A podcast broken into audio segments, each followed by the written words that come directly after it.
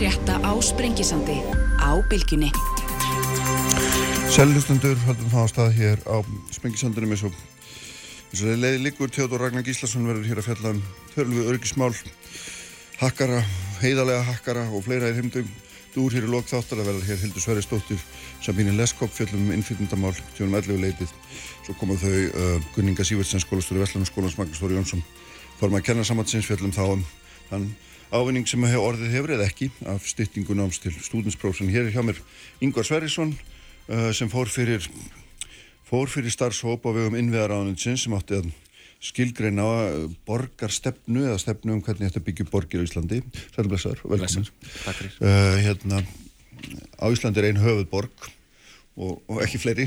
Nei, og hvað, segjuð okkur aðeins hvað þið áttuð að hugsa um hvað þið áttuð að hugsa og hvað, Já, hvað, hvað til hvers þið áttuð að vinna þetta? Já, ég vil gera það. Ég, eh, sko, kannski bara svona rétt til að mm. í upphafi að gott að segja það að, að ég, við höfum sko mannfjöldi í heiminum hefur verið á undanförnum áratugum og árhundruðum verið að færa sig í, í mjög miklu mæli inn í þéttari byggðir og bíl, þéttbíli og, og, og nú svo komið að, að um helmingur mannkynni spýr í, í borgum eða á svona svæðum borga mm -hmm.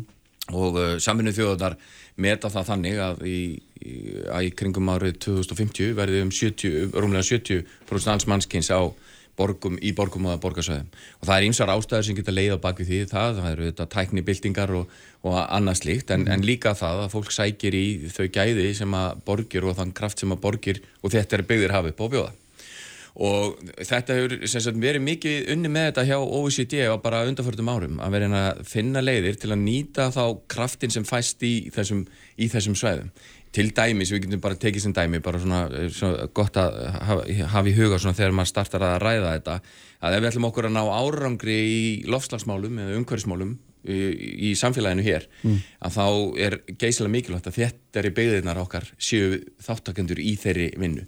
Við þurfum að byrja hér til dæmis í umskiptum í samgöngum á, á orkugjöfum og, og öðru slíku. Og kannski svolítið á þessum grunni hefur verið, hefur verið unnið í hérna í, út í hinn hin, stóra heimi. Og svo, er, og svo þegar við komum hinga til, komum hinga til Íslands og þá uh, veltum við fyrir okkur, það er alveg rétt að hér er einn borg mm. uh, höfuborg Íslands, Reykjavík.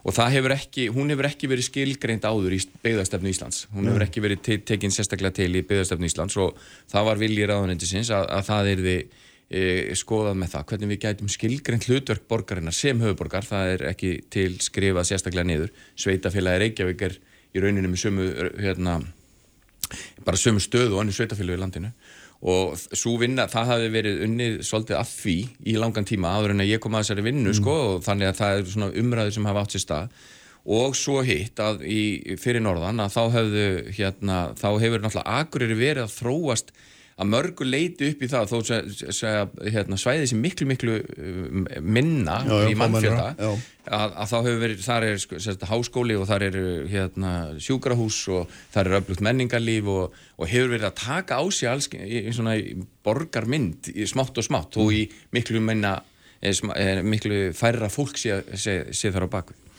og þar var stopnaður hópur sem var í grunninn frá Háskóla Akureyrar og SSNE hérna, samtaka sveitafélag á Norrland Eistra sem var, e, vann skýslu sem hétt um, um svæðisbundi hlutverk Akureyrar og, mm. og kom með þá hugmynd að, eða rætti það hvort að Akureyri geti tekið þessi orðið svæðisborg á, á landinu og út frá þerri, þessu tvennu þá stopnar eh, eh, Sigurður Ingi innveðar á þeirra þennan starfsóp sem hann færi mig til að leiða og með mjög öflugum fólki og báðum svæðum. Og, og það var, ég, ég var nú eiginlega hrósa ráðunitun líka fyrir það að, að hafa ákveðið að fá bara bæði svæðin saman og ræði þetta saman vegna þess að í grunninn er við að fjalla um uh, hérna, samkefnishæfni Íslands og við erum að fjalla um sko, þjónustu í, við Íslands samfélag mm. á þessum svæðum.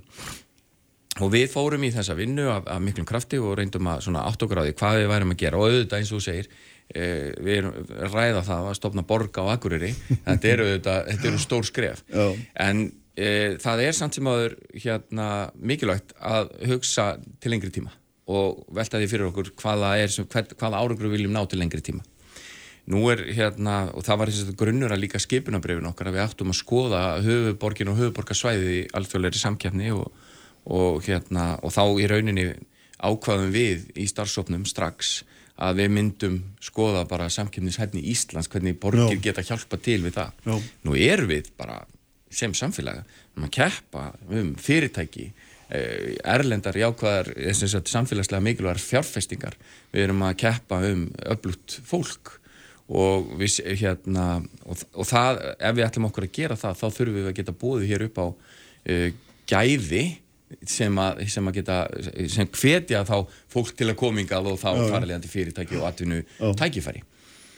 Og uh, á þessum, hérna eins og ég segi, á þessum grunni unnum við og hérna fórum af stað í að greina þá svolítið svona hvað það er í þessari taka það fram, þetta er fyrsta borgarstefna sem skrifuð er en þú veist, í, í, sem er skrifað einhverjum hlut, sem hluti af Já. svona heildastefnum já, fyrir, já, fyrir Ísland og, og við hérna, en er, þetta hefur verið gert í mörg, mörg ár í hérna, þeim ríkjum sem við erum að bera okkur saman við mm Mhm. höfuborgarstefna í hér og þar og, og allt þetta Hvað hva breytist við það að skrifa svona Já, sko, höfuborgarstefnu? Breytist hlutverk höfuborgarinnar? Nú, eitthvað er nú voru þetta eitt Mhm. risastort svæði hérna og, höfuborginni sjálf sér bara runnin saman við margunum sveitafélög. Já, nákvæmlega. Og, og, og við sjáum, sko, þetta er kannski liður í því að ef við, ef við horfum hérna fyrir sunnan, byrjum á því þá að, að hérna, já, það er rétt, sko, Reykjavík hefur auðvitað verið höfuborg og er það í okkar huga. Og við höfum e, það er orðið þekkt hugtak líka hjá okkur að tala um höfuborgarsvæði og hérna, þetta er orðið mjög þjætt byggð hérna í raun. E, það, er, það er verið að tala hér miklu meira mæli er verið að fara að skipulegja e, uppbygginguna er sameiginlega. Þetta eru sameiginlegar hérna, almenningssamgöngur sem eru verið að tala um þessum sveið en ef við horfum svo til OECD og hvernig þeir skilgrina borgir þá er, þá er sagt, Reykjavík með, og höfuborgarsvæðið og hérna er, er, lítil borg í raun. En ef við horfum á sko það sem við fjöllum um í skýslunni og, og skilgreinum sem, sem áhrifa svæði höfuborgarinnar þá er það orðið meðalstór borg. Þá ertu komin inn líka með það sem, það sem við köllum hvíta og hvíta Já, sem er í rauninni sem er í rauninni frá svolítið frétt. borgarfyrðinum og alveg Já, og borgarfyrinum og alveg og austur að, að hérna, já, þú veist, út fyrir já, og þá, og þá erum við náttúrulega líka með suðunisinn inn í á því svæði. Já. og það, þá ertu komin með sko alþjóðaflug inn á svæðið sem skiptir auðvitað geysilega miklu máli og, og hérna og samkeppnishæfni svæðisins eikst verulega ef við horfum á þetta í saminningu og þegar við erum að skilgreina svona svæði að þá er hort til uh, skilgreiningar sem OECD vinnur með. Það er að segja að uh, 15% hérna að sé sé nái 15% atvinnusókn af svæðinu inn í kjarnan sem er þá auðvitað með Reykjavík. Og, og þannig er það á þessu svæði að þann, þess, þess vegna erum við að skilgrina hvít á hvít á sem borgarsvæði Reykjavíkur. Og svæði. Já, og þú spyr hvað gerist. Það sem gerist er auðvitað að það sem ríkið er að segja við ætlum okkur að, okkur, ætlum okkur að vinna með ykkur í því að efla þetta svæði. Og það líka, það skiptir líka, miklu máli. Af því að hérna það er kannski ekkit endilega verið þannig eins hérna, sveitafélagin hafa sjá, ráða sér sjálf og vinna sjálf og sjá um sér sjálf en það er samt sem að það er mjög margir þættir, mörg málefni sem hægt er að vinna mjög ákveði saman í og við tiltökum líka aðeins í, í skýslunni okkar núna sko. og uh, já, þa- þannig, þannig er þetta og, og, og hérna með þetta sveiði að, af atvinnusóknin og auðvitað er svo, þar er ekki þjónustusóknin ef við getum kallað það af þessum sveiðum er auðvitað meiri heldur en atvinnusóknin mm. af því að það er, fólk sækir þjónustuna inn á þessi sveiði og við, já, Erum við einhvers staðar að hugsa um að því að hérna, þú nefnir að sveitafélagin ráði sér sjálf, Mhm. skiptir þetta einhverju máli um stjórnsýslu?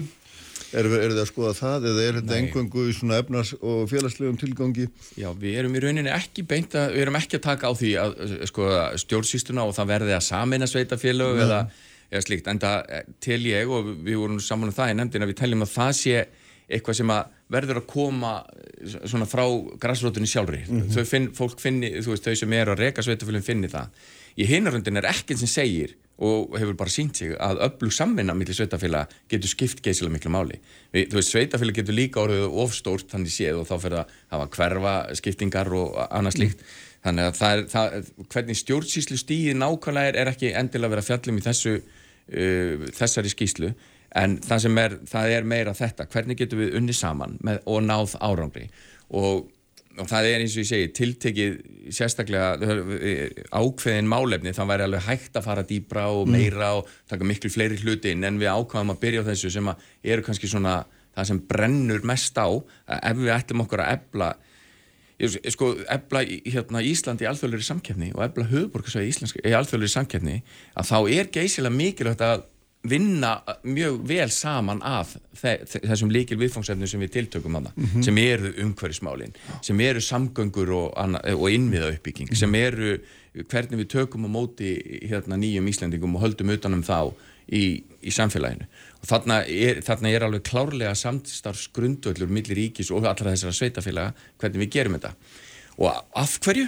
Ástæðan er, sagt, við sjáum bara hversu mikilvægt það er fyrir okkur að vera með uh, öflug fyrirtæki sem geta bóðið sérfræðingum, mentuðu fólki en, en líka sérhæfðu fólki mm -hmm. upp á atvinnu til þess að búa til fjölbreyttara uh, líf fyrir okkur oh. öll og tækifæri líka Þannig að þetta er einhverjum skilningi atvinnustefna líka eða já, hvað? Já, þetta. Og hvað ætlar ríki svo að gera með, með þessa niðurstöðun?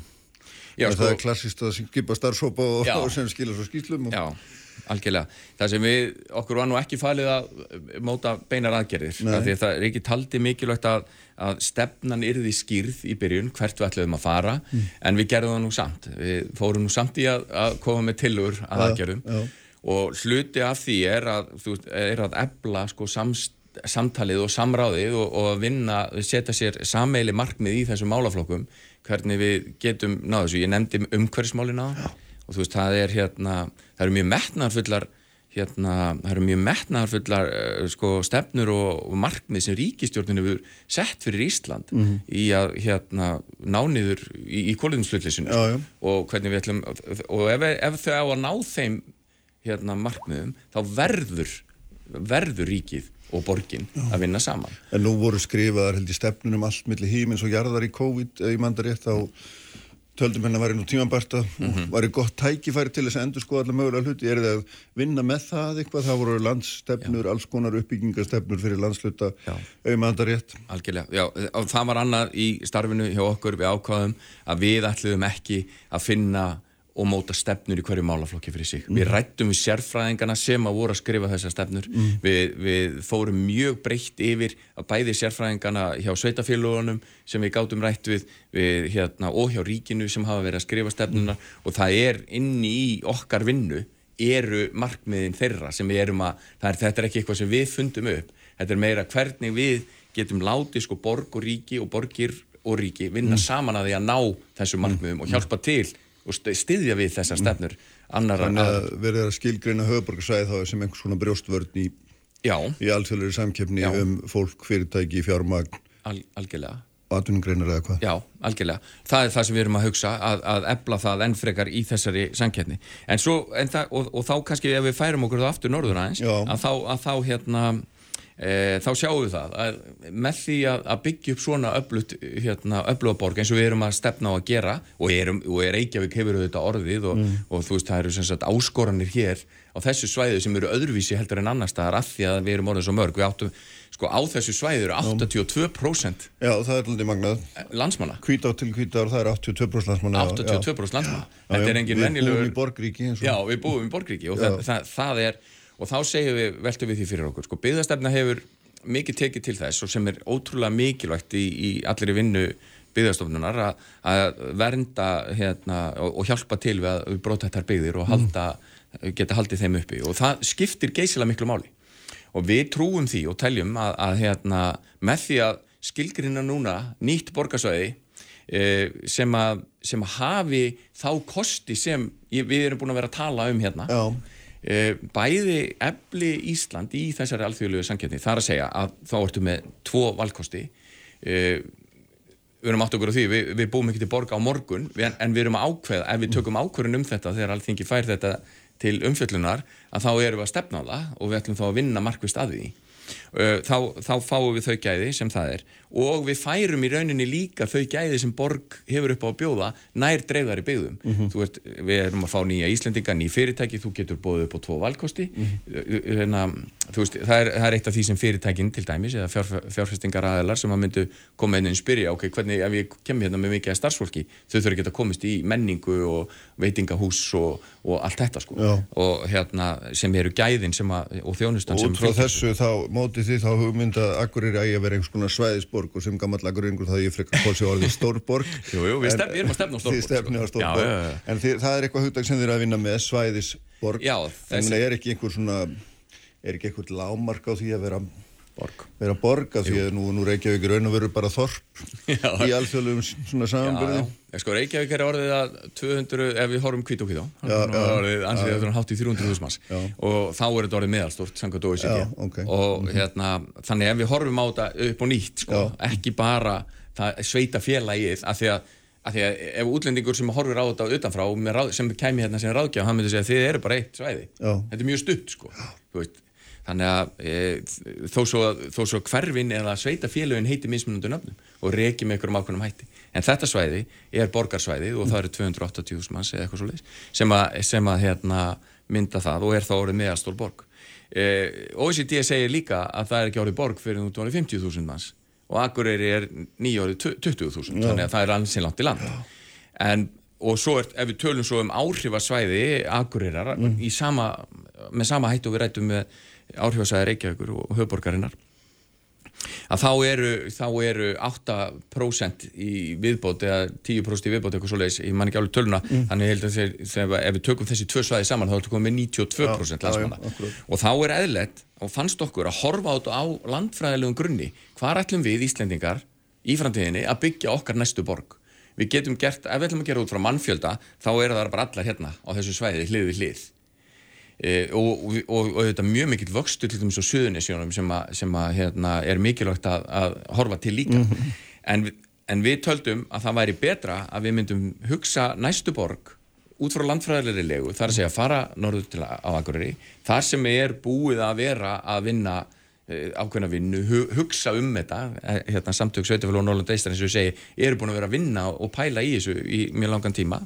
Og svo að hérna, þar með eru við líka að færa þau gæði sem að borgir hafa nær dreifðari byggðum. Þannig að þeir sem þar búa og vilja verið dreifðum byggðum og við viljum styðja við brota þetta byggðir út á landi að það er stittra í öflugri þjónustu og, og það sem að borg hefur upp á að bjóða. En það er alltaf augljóst að það er í öllum þessum skilgreiningum og það er, er hérna, miklu stittra frá Reykjavík í einhverju skilgreiningar OECD heldur en Akureyri á allt, allt, Já. allt öðrum stað og hérna, veist náttúrulega að tala um að, um að kollsteipa landinu til þess að töfalda íbú, íbúafjöldan mm. á svona fáum árum uh, og uh, því að það hefur nú ekki fækkað mjög, nei ekki, ekki fjölgað mjög mikið þar Nei. Nei. undarfarin mörg ár, því sem hefur verið ger, gerast hér. Já, algjörlega og, og svona líka því að þið eru að tala munur ræða hérna betur og eftir um innflytjandamálin að hérna, við, tö, við tökum sérstaklega á því, það er, það er í samráðskátt núna inn, stefna hérna, um, innf, um málefni innflytjanda Eh, þá er, ég, þá er ég ekki að tala um það sem er liggur fyrir alþingi núna, heldur um málefni innflytjanda og hvernig haldið er utan það. Og við hittum þá sem að unnu að þeirri e, hérna skýslu og eins og ég segi er í samráðskátt núna og það er, er aðdeglisvert sko, að, því að, því að þau mál er í eðli sínu þannig að þú, þú ættir að taka þau sundur. Eitt eru landamærin og hvernig við höfum það, það því og allt það, en svo er hitt að þeir sem hinga eru komnir til að starfa og skipta okkur geysilega miklu máli að, að hvernig við höldum utanum þann hóp. Og þar til dæmis er ótrúlega mikilvægur, mikilvægt að vinna saman hérna á höfuborgarsvæðina því að það eru áskoranir sem að hafa komið upp hér. Ég, ég hérna eh, það, það er nefnilega eh, allir sko vöxtur þjóðarinnar hefur verið borin upp af þessum hópi sko. Já, já. þannig vöxum við sko. og, og, og það hefur ekki verið mikið á Akureyri en Akureyri hefur þá þannig að það er kannski meira þar ef þau vilja fá öflugari fjárfestingu sem þau talaðu um vilja fjölbreyttara atvinnulíf sem þau eru að tala um að þau vilji að þá þarf líka að horfa til þess hvernig við tekið er utanum og tekið er á móti nýjum akureyringum sem eru líklegast og líka nýjir Íslendingar Já. og hérna þannig, að, þannig að það eru mismunandi áskorunar fyrir norðan og hér en þarna geta bæði borginnar, borginnar unni mjög vel saman og geta styrt hver aðra líka í þessu til, að- þess að efla okkur sem samfélag. Veit Við, er, við, er, við sjáum sko til dæmis bara að það kemur fram í þessari skýslu sem ég nefndi áðan sem er í samráðskáttinni að þú veist ef við horfum á mitt, mitt hverfi, gamla hverfi, breiðholti að það er mikið af innflytjum sem eru flutt þangað. Stór hluti ástæðinu fyrir því stór hluti ástæðinu fyrir því er að það eru öflög, þetta er eitt best skipulaða borgarkvarfi landsins. Það eru þett byggt, það er auðvelt að sækja þjónustu, það er, uh, það er, auðveld, það er auðveldar að reyka almenningssamgöngur á þessum stað uh, heldur en annar stað, þannig að það er svona uh, líklæra að hópurinn vilji fara þangað til þess að geta sótt svo Mhm. vinnu alla og, og við sem samfélag getum svo gert aftur móti miklu miklu betur í að koma, þú veist, styðja til dæmis við það sem að borgin er að gera í hverfamiðstu breiðholt sem er að fara til fólk sem svo kenna fólki, gefa fólki tækifæri til að læra íslensku í betra eh, þú veist, af því að fólk er almennt að vinna sko. Það er ekki tægt að hlaupa bara í íslensku nám þú veist, þetta er ekki döðaltest í heimi Nei, nei. Veist, það, það eru svona þættir Já. ef maður fer alveg niður í, í neitt í gritti sko, að, að hérna, það er hægt. En að er- gera miklu betur. En að því vorum að tala um Reykjavík sem brjóstvörn eða Reykjavík höfuborgarsvæði öllu heldur sem brjóstvörn Íslands í alþjóðleiri samkeppni að þá er, uh, getur maður þá sagt að akkur er ætti að vera svona brjóstvörn landsbyðar einhverjum skilningi gagvart því að hér verði ekki eitt borgríki allsherjar þar sem að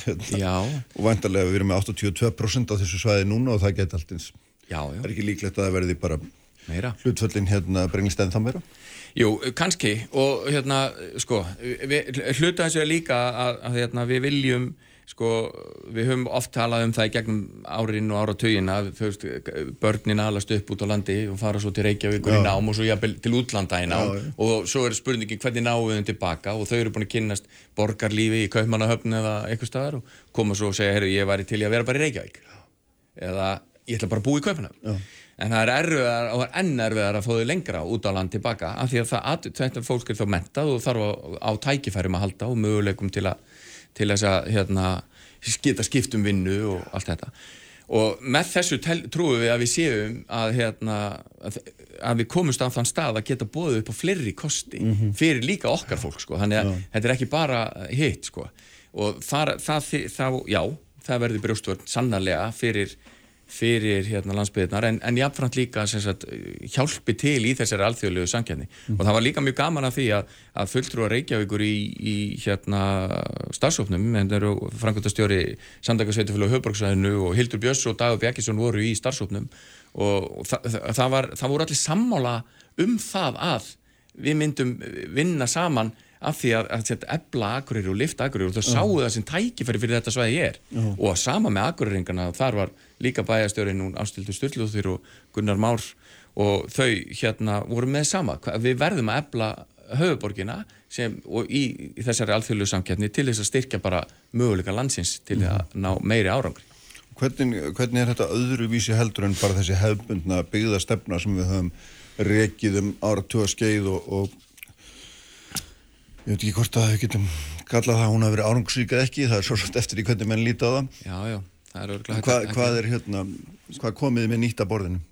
Ég, sko, það sem við erum að koma með inn í byggðastefnuna er að við skil, erum að skilgrina núna borgir sem hluta af því af uppbyggingu í samfélaginu. Við ætlum að draga, við ætlum að eigða þessari, þessum átökum eins og við getum, eins og við mikið og við getum uh, á milli landsbyðar og, og þessara borgarsvæða og við ætlum frekar að reyna að hérna, finna leiðina til þess að þessi svæði geti unnið meira saman.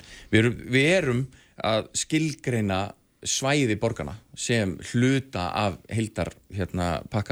Við er, leggjum til að það verði farið í sóknar áallanir á báðum svæðum og þá er, ég, þá erum við ekki að tala um fyrir Reykjavík þá erum við að tala um sóknar áallun fyrir allt hvít og hvítasvæði og það sama verði gert fyrir norðan, það verði farið í sóknar áallun fyrir allt þetta svæði.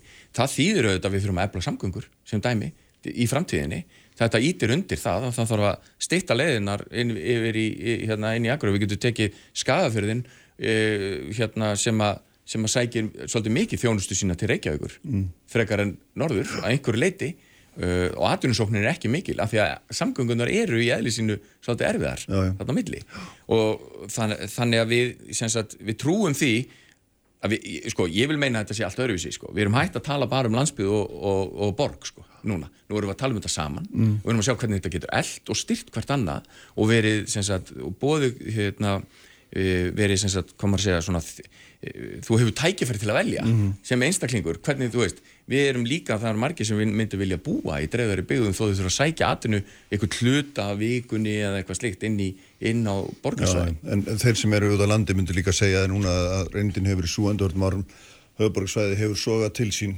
mannabla, fyrirtæki, fjármagn Akkurat. og, hérna, og landsbyðin hefur eiginlega bara, henni hefur blætt út á meðan. Akkurat. Það, það er nú svona að stórum hluta, eða það er stóra myndin. Já, já, það er stóra... fleiri svæðin akkurýra þá er þetta svona... Já, já, algjörlega og, og hérna, þa- þess vegna, og ég, ég vil meina að þessi vinna sem við erum að vinna hér sé, að vinna gegn, við, sé að vinna gegn því. Við viljum miklu frekar hafa eh, fyrirtækinu á fleiri stöðum, við viljum hafa þetta dreift um landi og þú veist, það er ekkert sem segir í mínum huga allavega, og nú tala ég bara fyrir mig það er ekkert sem segir að ef, að ef þetta gengur vel, ef við komum þessu núna í gegn og klárum þetta og þetta gengur vel að það séu önnur svæði sem getur fara að horfa til þess að byggja sig upp sem borgarsvæði á landinu Vi, við, þur, það er enginn sem segir að með ekki vera fjórar borgir hérna Nei. alls ekki, sko, við höfum landsvæðið hvað verður nú um þessar ágætu, þessar ágætu vinnu ykkur? Heyrðu, við settum þetta í hérna samráðskátt núna í byrjun uh, februar, eða um 9. 10. februar ákvaðum að hafa tíman frekar langan uh, inn í samráðskáttinni af því við viljum fá á þetta það eru svona spurningar sem eins og þú ert að spyrja mig og vangaveltur sem kom upp og við viljum fá uh, hérna ábendingar og aðtjóðsendir á þessa vinn okkar til þess að geta gert þetta sem best. Af því að í eðlisínu er þetta þannig að við erum að vinna saman að þessum máli við, við erum hérna, við eigum að finna það út að þetta skipti okkur öll máli og við getum náð árangri með þetta saman. Þess vegna viljum við frekar hafa þetta lengur í samráðskátt heldur en skemur. En þetta verður semst í samráðskáttir hérna, stjórnvalda núna til 22. mars. Þá vonandi verðum við búin að fá uh, mikið aðtöðsendur sem getum unnið úr og sett inn í þetta. Uh, þá verður þetta sett í þingsálutunatillögu og verður uh, lagt fyrir alþingi í haust. Það er svona stefnan. Þannig að það er ennþá tækifæri og ég bara eiginlega hvet fólk til að fara inn og, og koma með aðtjóðsendir og benda okkur á hluti sem við getum gert betur endilega að fara að lesa yfir þetta því þetta skiptir máli på framtíðina Nákvæmlega. Takk yngvar fyrir að koma.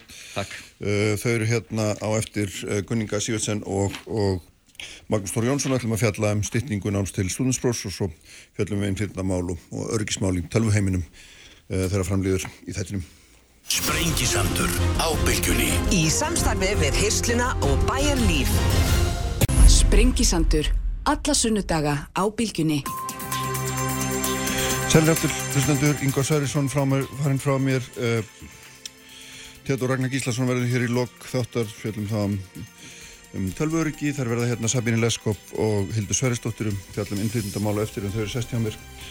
Magnús Þór Jónsson, uh, formað kennarsambandsins og Gunninga Sývöldsen sem er auðvitað skólastöru Vestlunarskólanars verið. Komið sælblöst. Það er ekki að byrjaðu hvað ykkur. Takk fyrir þetta.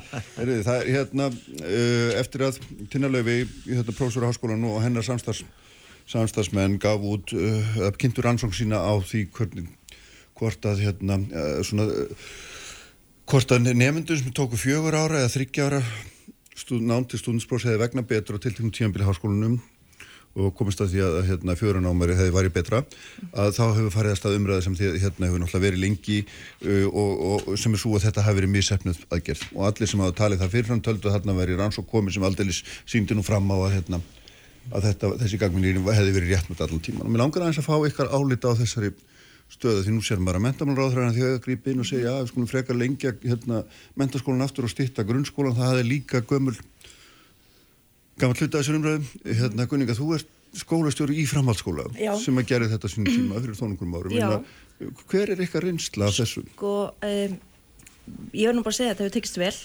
Og, en nú náttúrulega, uh, ef ég tala bara út frá mínu skóla já, og við erum einn af fáum skólum sem er með bekkikerfi þannig að nefnendur innrýtast í skólan og ljúka allir náma á sama tíma sem eru þrjú ár. En framhaldsskólanir eru náttúrulega fjölmargir yfir 30 og það er hann að þeir eru fjölbreyttir og e, nefnendur geta farið í gegnum skólan á þreymur árum, þreymur og hálfu eða fjóra árum í áfangakerfinu.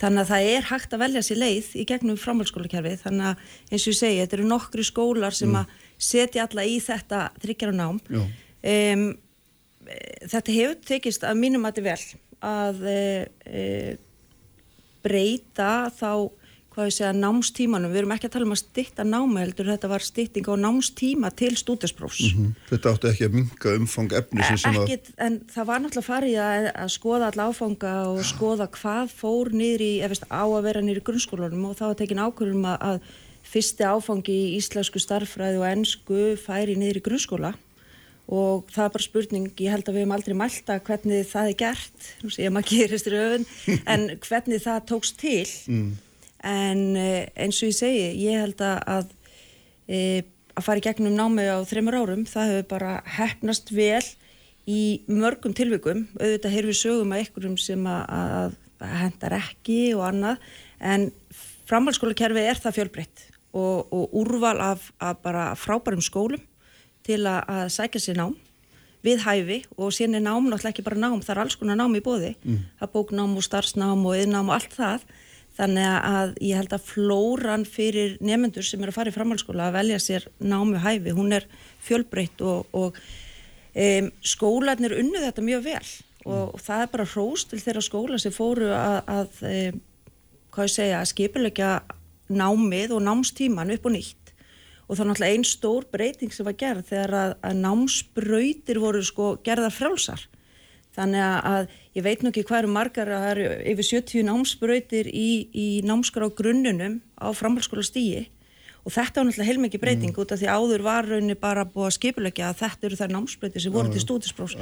Þannig að kannski, nehm, ef ég ætla já, aðeins að klára, já. kannski uh, rannsóknir sem kemur í háskólanum, hún er alltaf áhugaverð já. og ég fagna því bara að það sé vera rannsaka þetta vegna þess að ég sakna þess að við séum að gera mælingar á öllu bara skólastíinu hjá okkur, hvað sem eru grunnskólar eða framhaldsskólar á háskólastíinu um jafnvel þá intak náms.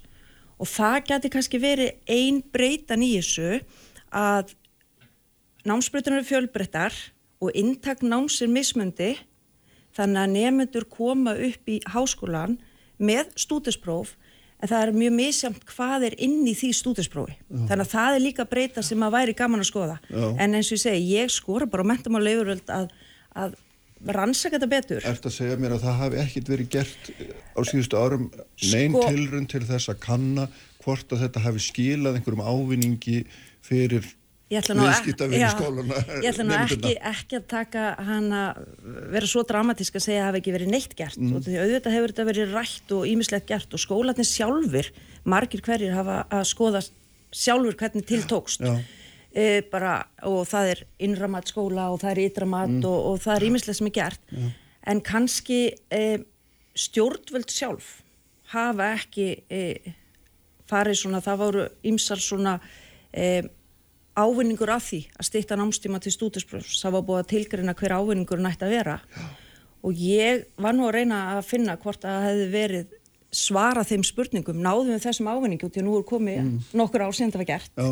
og ég gæti ekki alveg fundið það. En ég vona bara að eitthvað leiðir eftir mig ef, að, ef að það var. Og Maggi þú kannski veist hvort að sé til eitthvað svona og það er náttúrulega, kannski það sem, það sem við höfum kannski verið að ræðum í nýri kennarsamfætti síðustu svona kannski ár ekki, og, og, og þessi svona rannsóknir mm. svona nýtt, bara nýr vingillin í þá umræðu, er þetta bara það að á þessum tíma þegar þetta gerist þá, þá er þetta gert með tölverðum hraði og okkur fannst vantatölvert inn á svona samtal við, við kennarafórstun á þeim tíma og kannski alveg síðan þá e, þegar maður skoðar reyni hver, hver hugmyndin átt að vera þetta átti þess að já, stýtta námstíma og koma börnunum eh, sko fyrir út í vinnu vinnu. og gera, gera svona það sem þetta svolítið þýttengt eh, það er líka alveg klart mál að, að, að bara, maður geta bara googlað eða fundi greinar eftir þá er þetta mentamár og það sem segist með, með þessum hætti allar með að auka, auka aflið í framháskólanum og auka styrkin sem er þar inni.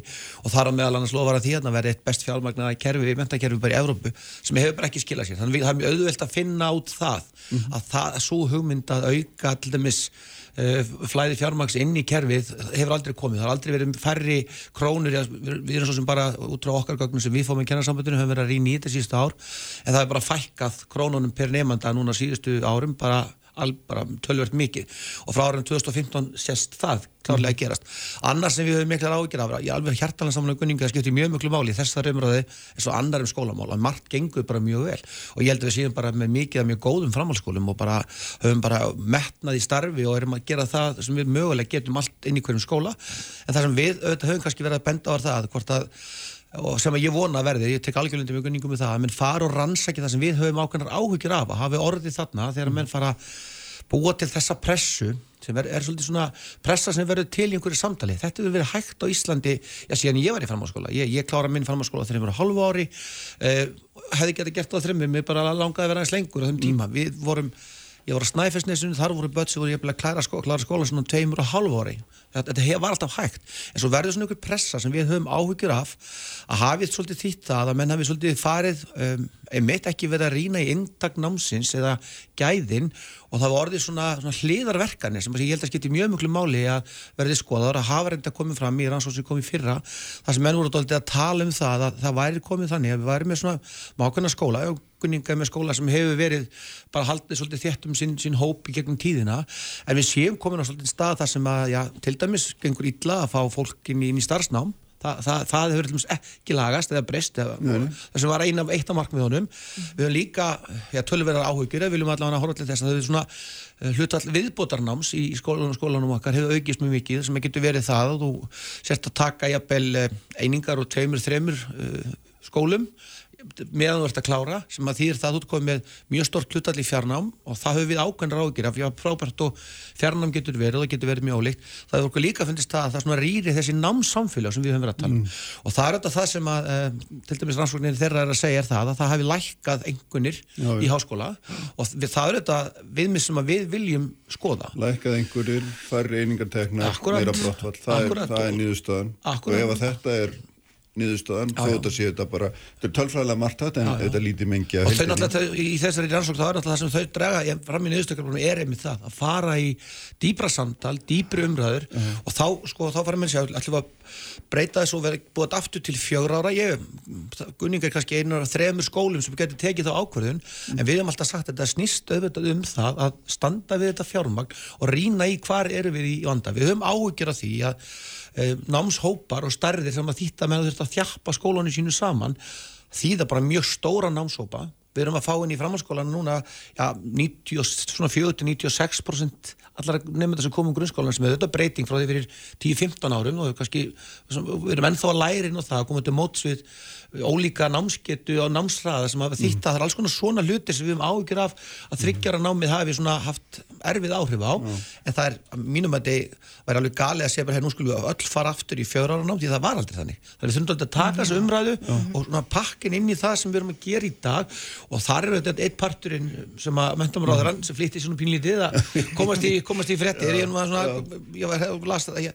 fann fekk hérna fyrirsök sko, um samtal sem hefur alltaf verið líka um þetta grunnskólan, ég er algjörlega sannfærum að það væri ekki gott skref að ákveða það að börn fær öll úr grunnskólanum við lóknýjundabækjar, það er bara mín reynslu grunnskólanum segir það og, og mm. hérna búin að vera í, horfin í framhanskólanum lengi, það er ekki við vorum áður en þetta gerist þá, þá voru bara tölvurt um það að nefndur útskriðust eftir nýja ára grunnskóla það var bara þannig að það var bara orðin regla í því og það er með, með námskólinn síðast.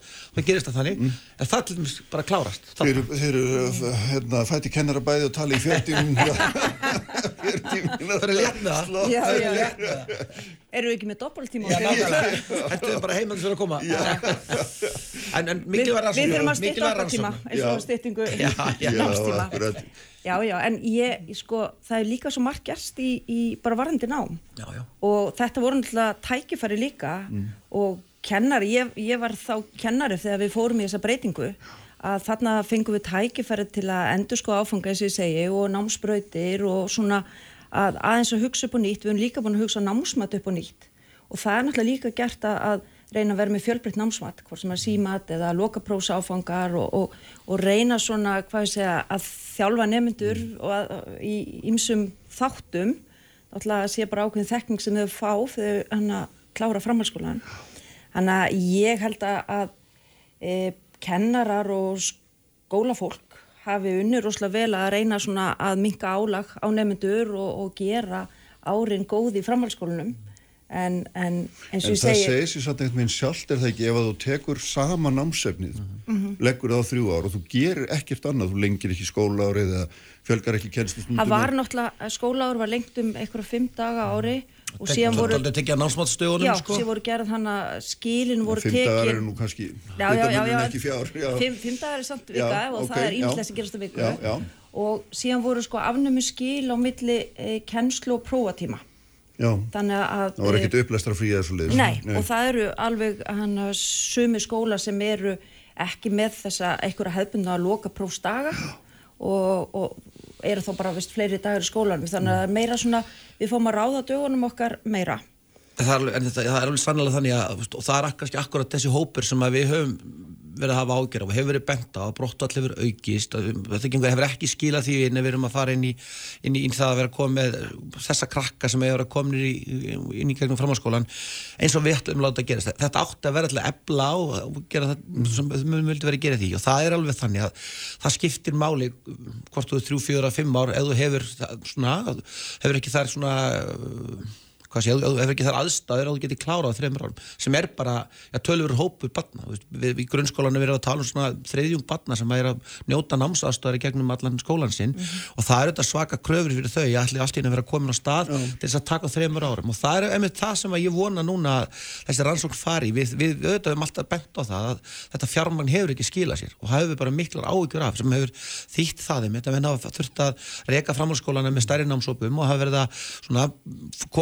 aðeins að skera niður til þess að ákveðum námskeri eins og við höfum alveg vært áhugjara svo höfum við myndið áhugjara þessu, þessum námsópi sem að bara klárlega ræður ekki við þetta verkefni. Og það er auðvitað bara eitthvað sem hefur svolítið þýtt að það var farið inn í þetta viðbóta nám það var farið út úr námi og komið tilbaka. Og við þurfum að horfa á þann þá breytu mm -hmm. líka. Því að það er þetta sem, sem að, þau með benda á í, í skýslunni sinni að það er eitthvað sem þarf auðvitað að skoða. Og það bara að sjá þessa heldarmyndurinni hvað það er að skila að, að þessum hlutum mm -hmm. sem að skipta máli. Og það er, er stýtting grunnskólans heldur ekki í lausnin sko. við þurfum bara að rýna í þetta, ég held litlu landi að allt svona samtal á að vera mjög einfalt og þess að fagna ég því að ráþæran skuli hafa ítt þessari umræðu svolítið í gang einmitt um skil skólastegana og þar erum við líka á stað sem að við erum kannski ólík og frábriðum þá Íslanda hefur kannski ekki verið mikið samtal á milli ríkis og sveitafélag sem eru þetta rekstraðala skólana. Það er ekki aldrei förðulegt. Það er mjög förðulegt. Við allar þá umræðu sem hefur verið í samfélaginu gegnum tíðin. Já, og eiginlega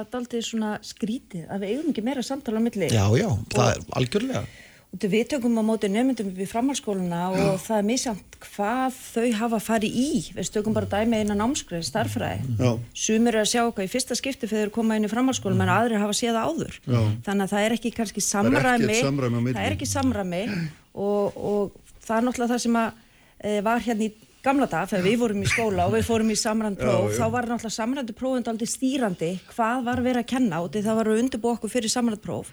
Sem voru samrændu prófin afnuminn mm -hmm. og, og þá er ekki þessi rammi og nú er ég ekki að leggja mat á hvort er betra að verra en, en það er samt, það var ekki þessi rammi. Þannig að við tökum á móti eh, nefndum upp í framhaldsskóluna og það er misjant hvað hvað þekkingu þau eru með. Og raunin er bara misjant sko auðvitað eru einstaklingar mismunandi en það er misjamt sko hvað er búið að fara í Já. þó að sé svona kannski e, ekki heimin og hafa á milli en það er samt einhverju svona ákveðni þættir. Þannig að skóli, grunnskóli sem leikur mikla áherslu á starfræði, hann getur verið komið mjög langt inn í framhaldsskólan með hópnefnda, menn annar Akkurat. getur ráðið því að fara stittra og það já. er enginn sem hefur neitt um það að segja nefnum bara skólinn sjálfur. Já, hvaða áherslur eru í, í hverju skóla fyrir sig? Þannig að þetta samtal hefur hann kannski ekki verið eins og það hefði væri það betra að hafa þetta meira samræmt? Væri það betra fyrirkomlega ég ekki endilega vissum að vera betra. Átti, sko, þetta samtal þarf auðvitað að vera. Og ég, við erum alveg verið að ræða það bara en samræmt ekki samræmt, ég, ég er ekki að tala um endilega það en við þurfum kannski aðeins að bara sjá hvernig gengur, það væri gott fyrir framhalskólasti að vita okkur hversu langt eru þau komin í ákveðnum mm. fögum? Já, já. því að það var ákveðið við stýttinguna að það ætti grunna áfangun að fara niður. Já, var það? Ég veit ekki. Nei, nei, sko, nei, nei, nei það var það ekki. Það hefur enginn gengið úr skuggum að það hefur verið gert. Mm, Nei, nei, það er svolítið auglast bara vegna að það er gildin ámskra í grunnskólanu sem þeirra sýttingi verður og henni var ekkert breytt. Þannig í rauninu má segja það að þetta var svona, þetta var svona samtal um það að þetta ætti að fara niður en það fylgdi því ekkert og það er auðvitað það sem er bara máli sem ég vona að við sem myndum að fara að gera núna. Gunninga talar um einmitt uh, ólíkt í, í, í grunnskólanum, við erum líka komin á þann stað að áfangar sem heita það sama í framhalskólanum eru allt annað, því ég er nú bara að hitta háskólakennara sem segja þetta nákvæmlega sama núna, mm. við erum að hafa börn úr þessum skólanum eða þessum skólanum, koma hérna úr fjórum áfangum í ja, náttúruvísindum og hafa bara ekki lært neitt um þetta. Nei. og við erum komin á þann stað að kennari í framhalskólanum, jafnvel eru konir algjörlega það að búa til stið námsefni, því við erum ekki með námsefni lengur, það er ekki lengur, svo við lærðum hérna jarfræði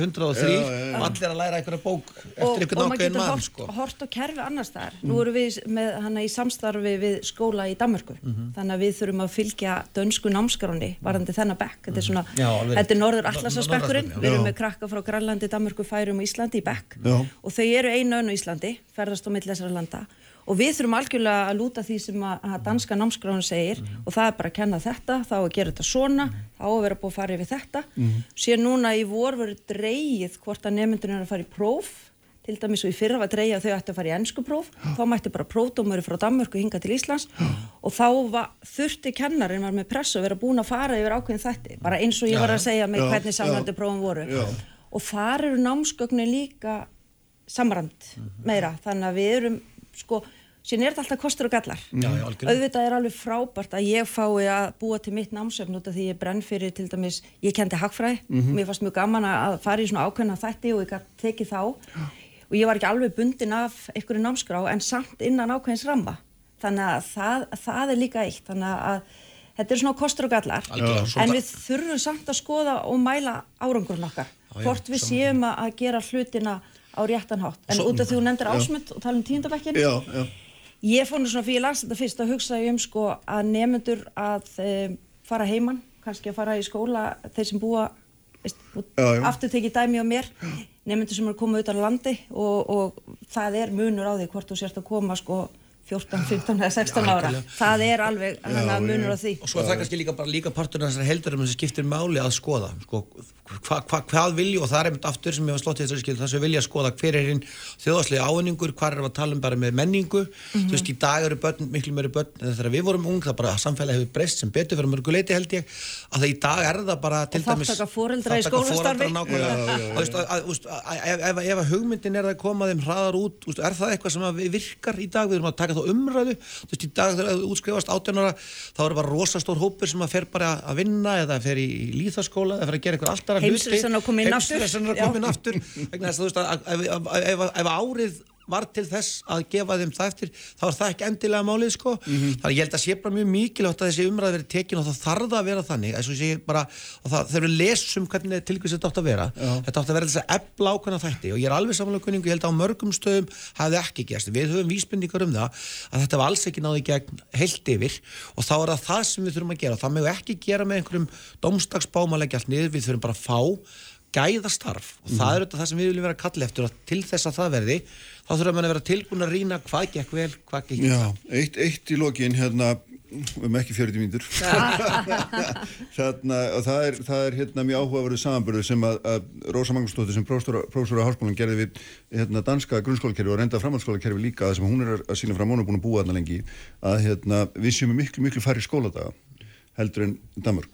og raun og veru hérna, er þetta 200 skóladagum færra á grunnskólaaldrinum þannig að við ættum þá að hérna, sem sýnir okkur það, jáfnvel þó við séum fleiri ár að þá erum við vantarlega að bjóða börnum upp á lakari þjónustu, minna ná.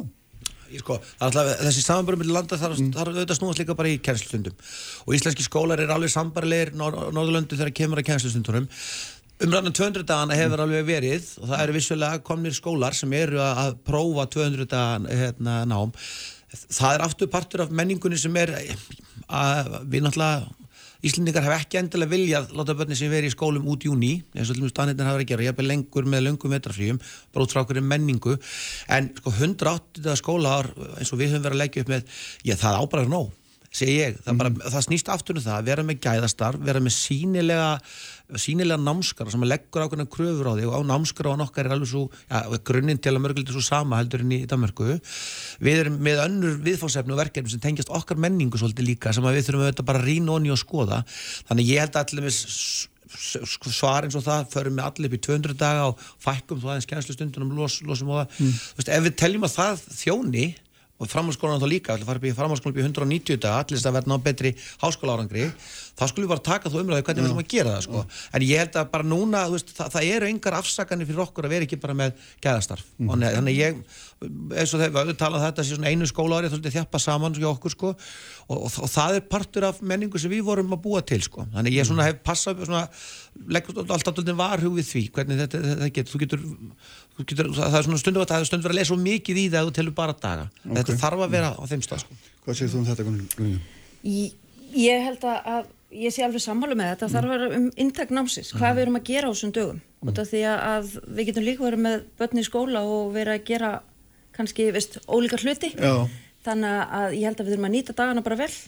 Og, og þannig að ég ekki einhverja sterkar skoðunar á því hvort að ég að lengja skóla árið eða ekki. Ég held að þetta, þetta snúist um hvað við erum að gera með börnunum okkar í skólanum.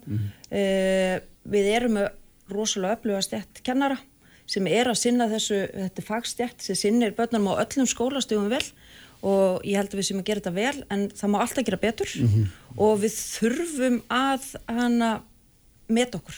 Við þurfum Algjörlega að safna gögnum, við þurfum að skoða hvar við erum, megum ekki bara kasta ykkur fram, alveg sama hvað er. Og ég fagna því að þessi rannsókn og gerð frungaði þeirra upp í háskóla og ég veit að það eru fleiri rannsóknar eins og Já, mentavísindasviði já, og leiðinni núna og, og margir hafa verið að skoða þetta. Framhaldsskóla, uh, kennarar stjórnendur í framhaldsskólum hafa verið að gera rannsóknir líka á svona hvernig innleggingin á eða þessi á þessu þryggjar og námi tókst til. Og heilt yfir, nú tala ég náttúrulega bara út frá mér þá gekk þetta vel. Og það gekk náttúrulega bara vel út af því að það er fagstjætt sem, að, að, sem veit hvað, um hvað hún er að tala og hvað hún er að gera sem að vanna þessu. Og ég held stundum að það væri gaman að stjórnmálumenn myndi kynna sér betur starfi í skólanum áður en fara að henda ykkur fram. Og ég ætla bara að skora það og koma í heimsókn og kynna þér hvað við erum að gera ásamt öllum hinnum framhaldsskólum í landinu sem eru að, að vinna alveg frábær starf. Þannig að, að það er bara, við erum að búa búa, búa til næstu næstu kynnslóð Já, nákvæmlega. En niðurstaðan svo ég dræði hana saman er það svo áður, áður svo að við vitum bara ekki alveg nógu mikið um Nei, nei, ég held hvort að, ég, þessi ávinningu var, og ég held að og rannsóknin segir má maður segja því eitt orð. Já, já, eitthvað, eitthvað, rannsóknin segir það að það eru hlutir sem gengur ekki upp. Og það, aðri hlutir sem gengur vel og það þarf að kaf- kafa lengur honi í það og þóra að taka ákvarðan út frá því. Standa við því sem gekk vel og breyta því sem vil gera betur. Já, og ekki stökkva það að fara að breyta bara til að breyta Alls út ekki. af því að, að ég held að það sé einhver til góða að fara að gera það. Nei, nákvæmlega. Herri, bestu þakki bæði tvö. Takk, Takk, fyrir að fá okkur, gaman að fá okkur og hérna, takk fyrir spjallið. Hildur Sværisdóttir og Sabíni Leskop eru hérna eftir önglablík. Þetta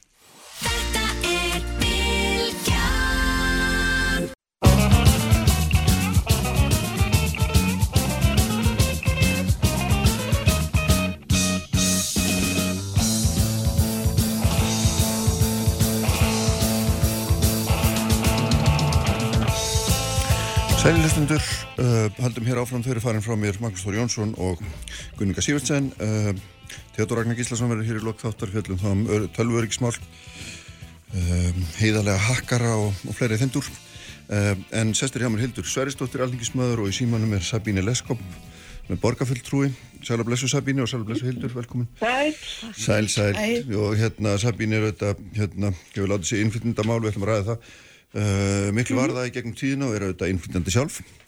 Uh, hérna, og það sem ég aðeins langaði svona fjallum með ykkur sko, hérna, er, er einlega þessi, þessi mikla þessi mikla pólun, þessi mikla skautun sem er að verða í umræðu um innflytjandamál þar sem að öllur gröta saman og, og eiginlega hérna, anduð fólks á, ótrúlega anduð fólks á hælisleitundum er orðin bara grassirandi, ofnber uh, og fólk deilur hann í yngu og hérna og, og við erum svona smátt og smátt að lenda í því að, eins og hefur verið í nágrannlandunum okkar þar sem að þetta, þar sem að all skinnsemi hverfur út við sondaldar hring þegar fjallaður um þessi mál.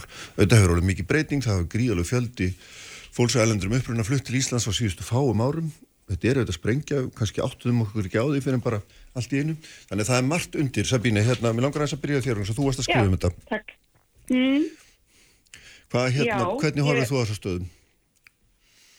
uh, já, það, ég það tek eftir, eftir uh, breytri áræðu í samfélaginu. Það er náttúrulega eitthvað sem ég hef haft hérna, verið að fylgjast mjög mikið með og hérna það hefur verið held ég aukning í hérna, einmitt eins og þú segir það, þú segir það hérna allt öðruvísi talað um innflytjendur, frekar lítið við innflytjendur, þannig að það samtal vandar svolítið. Og já, ég hef áhyggjur og þetta eru áhyggjur sem hafa verið hérna aukast á, á síðustu vikum, alveg klálega og ég tel að það væri rosa gott að, að taka þetta svolítið í sundur, að skoða uh, málefni hælisleitenda og, og fókusera á, veist, á komið til landsins, hverju megi að koma og hvaða hérna ferlar erum við með þar og skoða svo hitt, skoða svo það fjölmenningarsamfélag sem við erum orðið. Og, og það er bara í okkar höndum akkurat núna hvort við ætlum að gera þetta vel eða ekki. Og ég hef svolítið talað um, ég er svo hrætti að einhverju þróun sem að Ísland er einhvers konar Katar. Í Katar búa nákvæmlega 300.000 mann sem eru hérna uh, innfættir, tala tungumálið og eiga allt og ráða öllu.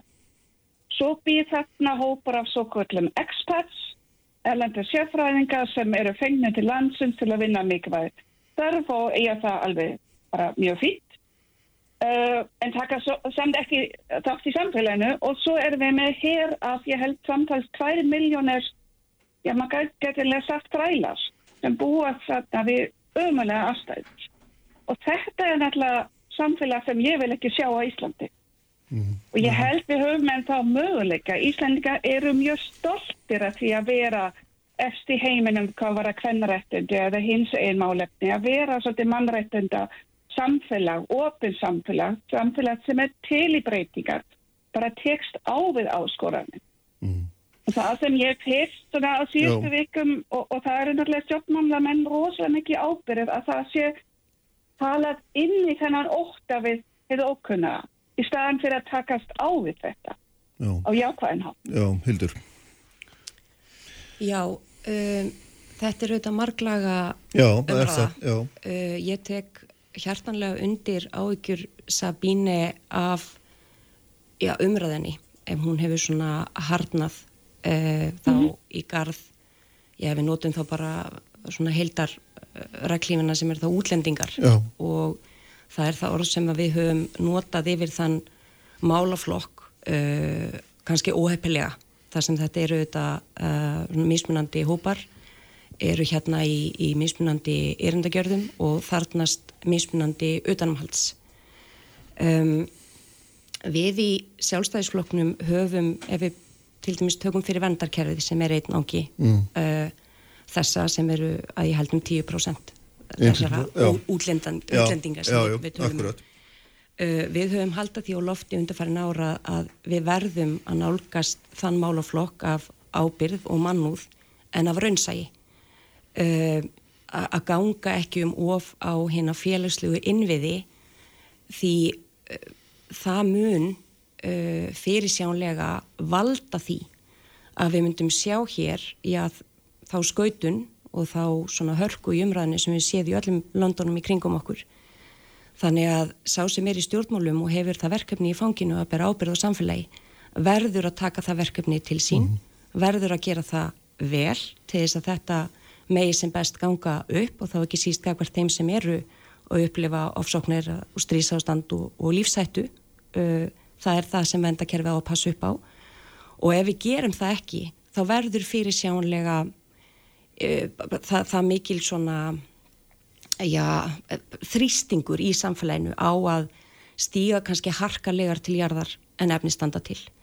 Þannig að þetta er það sem við höfum alltaf haft áhugjur af og haldið á lofti og það verður nú að viðkennast að við höfum nótt fengið framann í okkur að, vera þar ekki með, með góðan hug akkar því sem er synd. En mér vist ég skinja svona raunsæri nálgun á þann málflokk sem að ég tel að sé vel. En hefur hann ekki verið látin einhvern megin sko stjórna umræða alltaf mikið? Því eins og hún nefnir þá er þetta lítill, með lítill hluti af því sem við erum raunverulega að takast á við þegar að við erum að tala um menningabreitingar innflytjandastefnu, fjölmenninga, samfélag og svo framveist, þá er þetta bara býta býna út kjænsta hérna, en þá er þetta bara lítill hluti Já, þetta er um, um, um 10% en, en þetta er samt ekki lítið hluti ef maður horfir á já, ef við horfum á kostnað, ef við horfum á uh, bara kerfi, félagslegu Já. kerfin og félagslegu innviðina.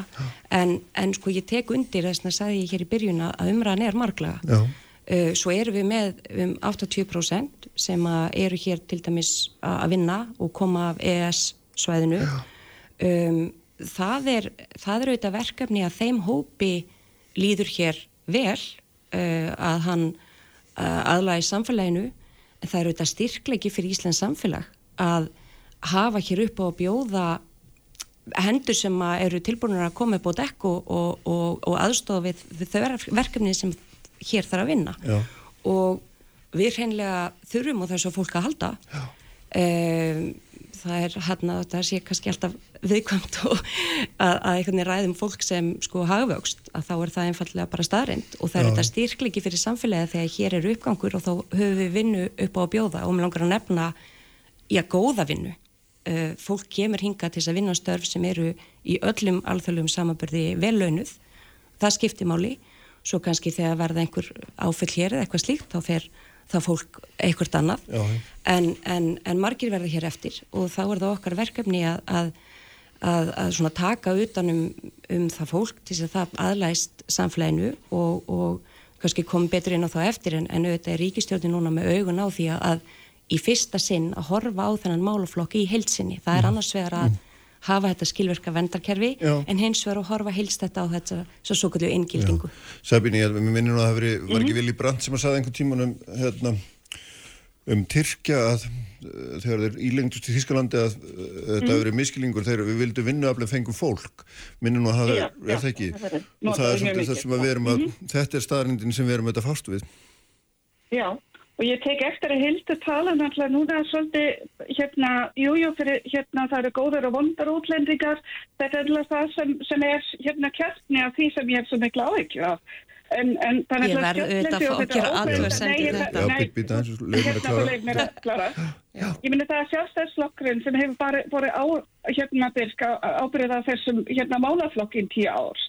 Um, það er sjálfstæðslokkurinn sem hefur stjárnsveld innviðir, heilbriðskerfi. Það er ekki eins og öryrkja hafa haft það í rosalega gott áður en flottamenn komu eða myndu hafa það allt í einu rosalega gott ef flottamenn færu. Þannig að þetta er er nákvæmlega það sem er aðvega að leiða umræðuna. Bæði að við erum að tala um góða vondir útlendingar og, og hérna hvað við græðum mikið á, á þessum góðum útlendingum sem eru hérna að vinna og halda hér, ég myndi þeir halda samfélaginu gangandi, það er engin að efast um það, bæði ferramanna þjónusta og, og hérna og ummönnun og bara allt kerfið og hérna það eru 70.000 manns hérna það aldrei uppröna á Íslandi það eru 50.000 Íslandinga í útlöndum. Þannig að við hérna þurfum á þessu fólki að halda það vita það allir.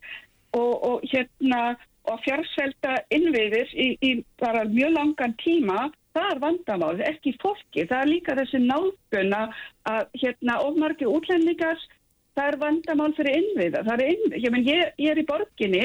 Ég veit að við þurfum að standa okkur betur í leikskólamann, ég get ekki bara sagt hei það eru bara alltaf mikið börn, það bara gengur ekki að eignast, hérna að því að eignast þetta þessi börn, ég þarf að gera betur í, hérna, í leikskólamálum.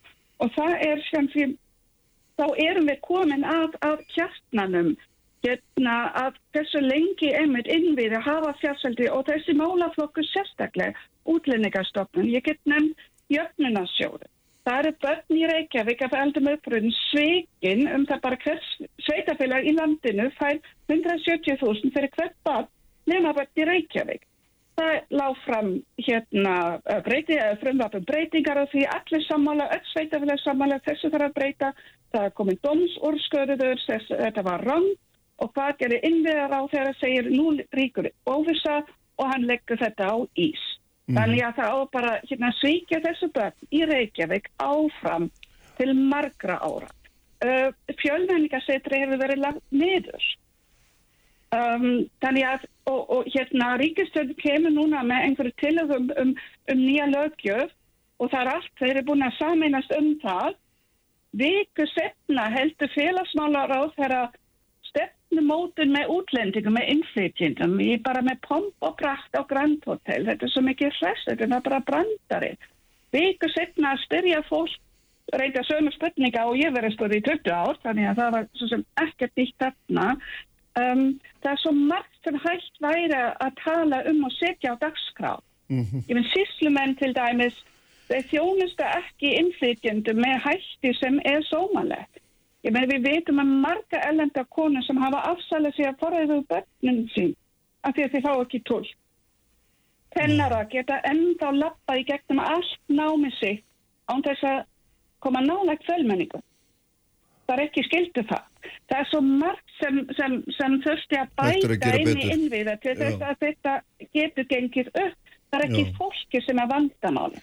Nei, við skulum hérna heldur Já, Já. ég verð nú að segja að það bara hreinlega hryggir mig að, að hún Sabine fulltrúi samfélkingar hérna í, í, í þessu samtali skuli orða þetta sem svo að þarna hafi ég verið að, að, að setja á borði einhverja góða og vonda útlendinga og ég verð að segja fyrir mitt leiti að þetta er nálgun í umræðinni sem hefur ekki verið að hjálpa okkur undarfærin ár. Ég held að þessi nákvæmlega þessi nálgun á samtalið sem að myndi ef eitthvað stuðla því að umræðan fari á ósegju í svona harkalegri átt í einhvern svona drullipoll uh, umræðu sem við höfum, höfum séð í löndunum í kringum okkur og er algjör óþarfi. En til þess að, að ræða bara stöðun eins og hún er, þá, þá verður við bara geta rætt án þess að fara alltaf ofan í, í einhvern veginn eh, í þessa sálma sem eru bara ekki sangjarnir og eru ekki til gags. Að sko, eins og við tökum fyrir vendarkerfið sem eins og ég segi er allt annars eðlis uh, heldur en til dæmis uh, innflytnakerfið eða atvinnuréttakerfið sem við höfum gagvart fjölda fólks. Um, vendarkerfið hefur núna á áratug til dæmis farið úr 400 miljónum í 20 miljardar. Uh, það hefur líka valdið því að þeir sem eru réttilega í slíkri neyð að eiga sjálfsagðan rétt á því að við tökum utanum það fólk og viljum passa upp á þá kerfi um, það, gengur mun hægar og ver og ekki síst sem er líka áhugjefni að þjónustan sem þið fá þá í kjölfarið til þess að við geta aðlagast íslensku samfélagi, veri hér virkir þegnar, fá íslensku kennslu, fá samfélagsfræðslu um bara hvernig samfélag við erum, hvað gildi við höfum, allt þetta, allt þetta skiptimáli og hefur ekki verið að ganga nógu vel út af því að við erum með kerfi sem er með aðra reglur en löndin í kringum okkur, þannig að við fáum fleiri heldur en hingað eiga rétt á að fá þessa vend, þetta veldur þessum þrýstingi. Og það er oflant mál hér að fara sem, út í já, ég veit, en það sem gerist hildur síðan og er, og er, er að fólk gerir, hættir að gera greinar mun á því að kerfið okkar sé ekki nógu vel uppbyggt og fólkinu sem er inn í kerfinum og það fer að rakirða vesalings, hérna, fólki sem er í lífshættu og er komið hingað og auðsa það skítu auður þegar það ætti í raun og veru að beina sjónum sínum að okkar eigin verkum sem er þetta kerfi sem við sjálfbyggum til og höfum ekki geta lagað. Já, er það ég- ekki rétt? Ég, ég tek heilsugar undir það að, að sjálfsögðu er mikil synd að umræðan undarfærin ár hefur já, kannski óvart eða óbeint beinst þá að fólkinu sjálfu. Ég held að enginn sem hefur tekið þátt í þessu umræðu hafa ætlað sér það. Kannski hefur það gest, ég skal ekki segja. Ég held að ég sjálf hafa nú passað á að gera það ekki. En, Ég er ekkert að beina þessu beint á þig, nei, nei, alls ekki. Allt í góðu.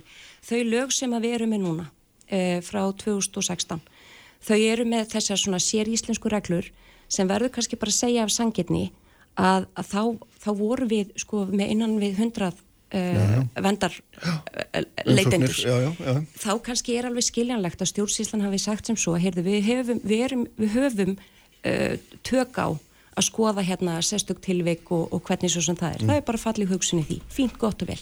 Svo breytti samfélagið og þessi málaflokkur mjög rætt. Þannig að eins og ég segi, nú höfum við í, í, í fimm ár, sjálfstæðisflokkurinn bent á að, heyrðu, nú verðum við, við verðum að taka þessar mm -hmm. séríslu reglur til skoðunar bara til þess einmitt að við getum staðið undir þessu málaflokki, Þetta er náttúrulega tvennt sem ræðum mestu. og ég ætla að fá að ítreka já, og Venezuela já, við skulum já, bara já, halda því ekki að haga. Já, já, algjörlega. En, en, en samt sem áður mm. uh, erum við með þetta kerfi sem að býr til svona óþarfa þrýsting uh, sem að við getum, við getum lagað. Og við langar bara að fá að ítreka Já. því að ef við höfum ekki þetta kerfi þannig að við getum sem best hlúðað því og gert þetta vel, þá ymmit erum við að bjóða hættunni heim að umræðan hér sé ósangjöfn Mhm. og ekki nógu falleg og það vill bara enginn en þá þarf maður að horfast í augu við stöðuna geta rætt það án þess að fara alltaf onni í þannan drullipoll og bara gera Mhm. þetta vel og fókusur það sem skiptir mestu máli. Sabine, Já, en þetta er alltaf hérna líka aftur hérna fara í vittlösa átt. Ég minna þessi, þessi kannski 950 mann sem sóttu mig fyrir að þetta eru, eru tætlega það sem kemur hinga til landsins til að vinna á hverju mánuði. Og hérna margir hafa talað og þar með talað sástafslokkurinn einmitt um að opna frekar á, á, hérna dvalarleifis frá, fyrir fólk frá, fyrir utan hérna EES. Að það við þurfum á þessu fólki líka að halda. Venezuela búar, þeir eru ekki nema þrjú ár til að taka fram fyrir Íslendinga hvað var að aðvinnu þáttöku á hérna sem sagt í heildinni þannig að hérna og svo er bara eitt orð sem, sem stöða mig alltaf og ég hef alltaf sagt ég afþakka allar útskýringar það er ekki Það er ekki til betra orð, ég veit að útskýringar snúast alltaf um kalla konur en það er ekki til orð þegar Íslandika útskýra fyrir mig innflytjamálinn og hvernig mér á að líða og hvernig mér á að finnast umræðinu. Þetta er al, þetta aðlagast. Um, þetta er ekki gott orð og, og hildur við réttilega nota orðið inngildar. Já, Já, já, já. af því að aðlögun að laga eitthvað sem er að á vissan hátt, það er svolítið mín áskilning líka, það þýðir við innflytjum fættumst öll þarna á Keflavíkuvelli, það þarf að fræða okkur og kenna okkur mannansýði um, og hérna við komum með ekkert jákvægt hingað og það þarf bara að breyta okkur til að passa inn, til að ganga inn í hérna það sem er fyrir og það er alltaf dæm til að mishefnast. Ég mun alltaf tala með hrein, ég mun alltaf vera pínu öðruvísi. Um, og ef það krafist af mér að aðlagast, þá mun ég aldrei ná því. En ef ég er tekin eins og ég er, og það sem ég kem með aukalega að En Sab jákvægt Sabín er ekki, framlag, í þessu, já. er, í þessu er náttúrulega mikið verið að ræða um það sem þú varst sjálfa að nefna áðan sem að er virðing fyrir þeim mannréttindum sem að við stærum okkur Mhm. Já. sjálfa af í alþjóðlu samhengi. Það er það ekki það Mhm. sem verið er að tala um sem, sem aðlögun. Það er fyrst og fremst Mhm. hérna virðing fyrir, fyrir því sem að við teljum vera sjálfsög réttindi hverjar mannesku og fólk. aðlögun, aðlögun hérna er yfirleitt að fyrst og fremst hérna tengt náttúrulega íslensku kunnáttu og það er ég mikið baráttumanniska fyrir að hérna innflytjum læra íslensku til þess að geta virkur þáttakandi í samfélagin og, það er, og þá þurfum við líka að ræða eitthvað sem Kristrún hefur réttilega nefnd og það er atvinna stefna okkar hér. Um, við erum og hvort manni líka þetta betur eða verst þá erum við að setja öll ekk okkar í sömu kerfi er, e, e, í körfuna sem er hérna ferðamannafjónustan núna sem er, hefur mikið þörf fyrir hérna ódýr vinnuafl sem er í einhver tengsl við samfélag.